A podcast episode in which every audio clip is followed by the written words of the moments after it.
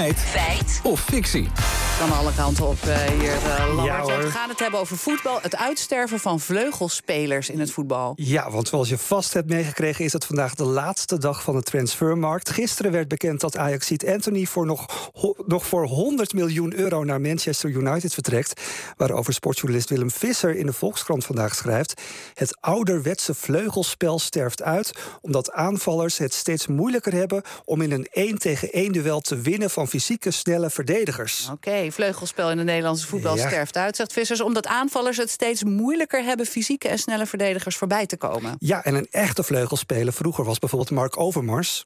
Die buitenspel. Daar komt de bal dus niet heen. Maar hier is Overmars weer sneller dan de doelman.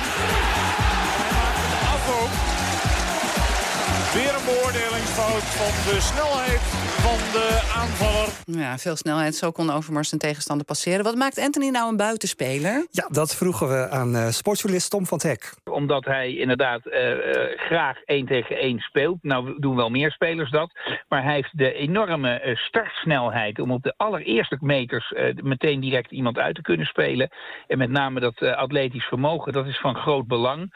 En ja, in de Nederlandse competitie verder, je ziet een aantal clubs die het proberen, maar je ziet toch weinig dat je nog echt zegt dat is een hele echte klassieke buitenspeler. Ja, volgens Van Hek is uitgestorven een groot woord... omdat er op bepaalde momenten van de wedstrijd... nog wel degelijk gegrepen wordt naar vleugelspelers. Maar als je het vergelijkt met een groot aantal jaren geleden... is het eh, voetbal wel enorm veranderd. In het buitenland al veel meer dan in Nederland, waar we daar wat langer over doen. Eh 4-3-3, dat is zo'n prachtig woord... maar dat betekent drie mensen voor, twee aan de buitenkanten.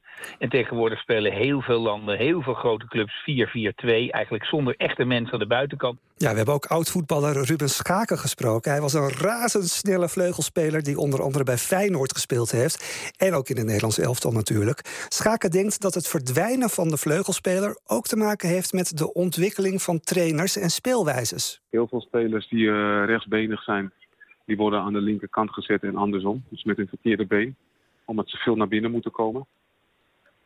Dus ja, dat is wel een ontwikkeling in het voetbal.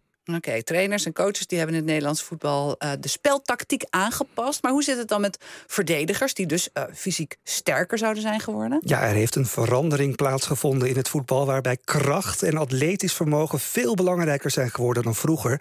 Volgens Inge van Schouwenburg, bewegingswetenschapper... bij kenniscentrum Sport en Bewegen... moeten voetballers zowel snelheid als kracht trainen... als ze hun sprintvermogen willen verbeteren. Dus we moeten het krachthonk in, maar ook explosieve trainingen doen.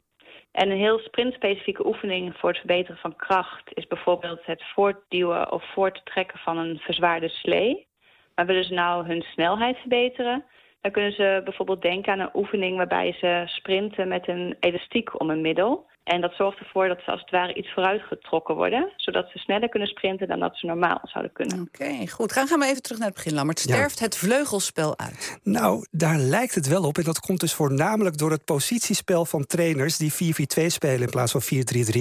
En omdat het fysieke verschil tussen verdedigers en aanvallers... kleiner is geworden door alle krachttrainingen die iedere speler moet doen. Dus het is een feit.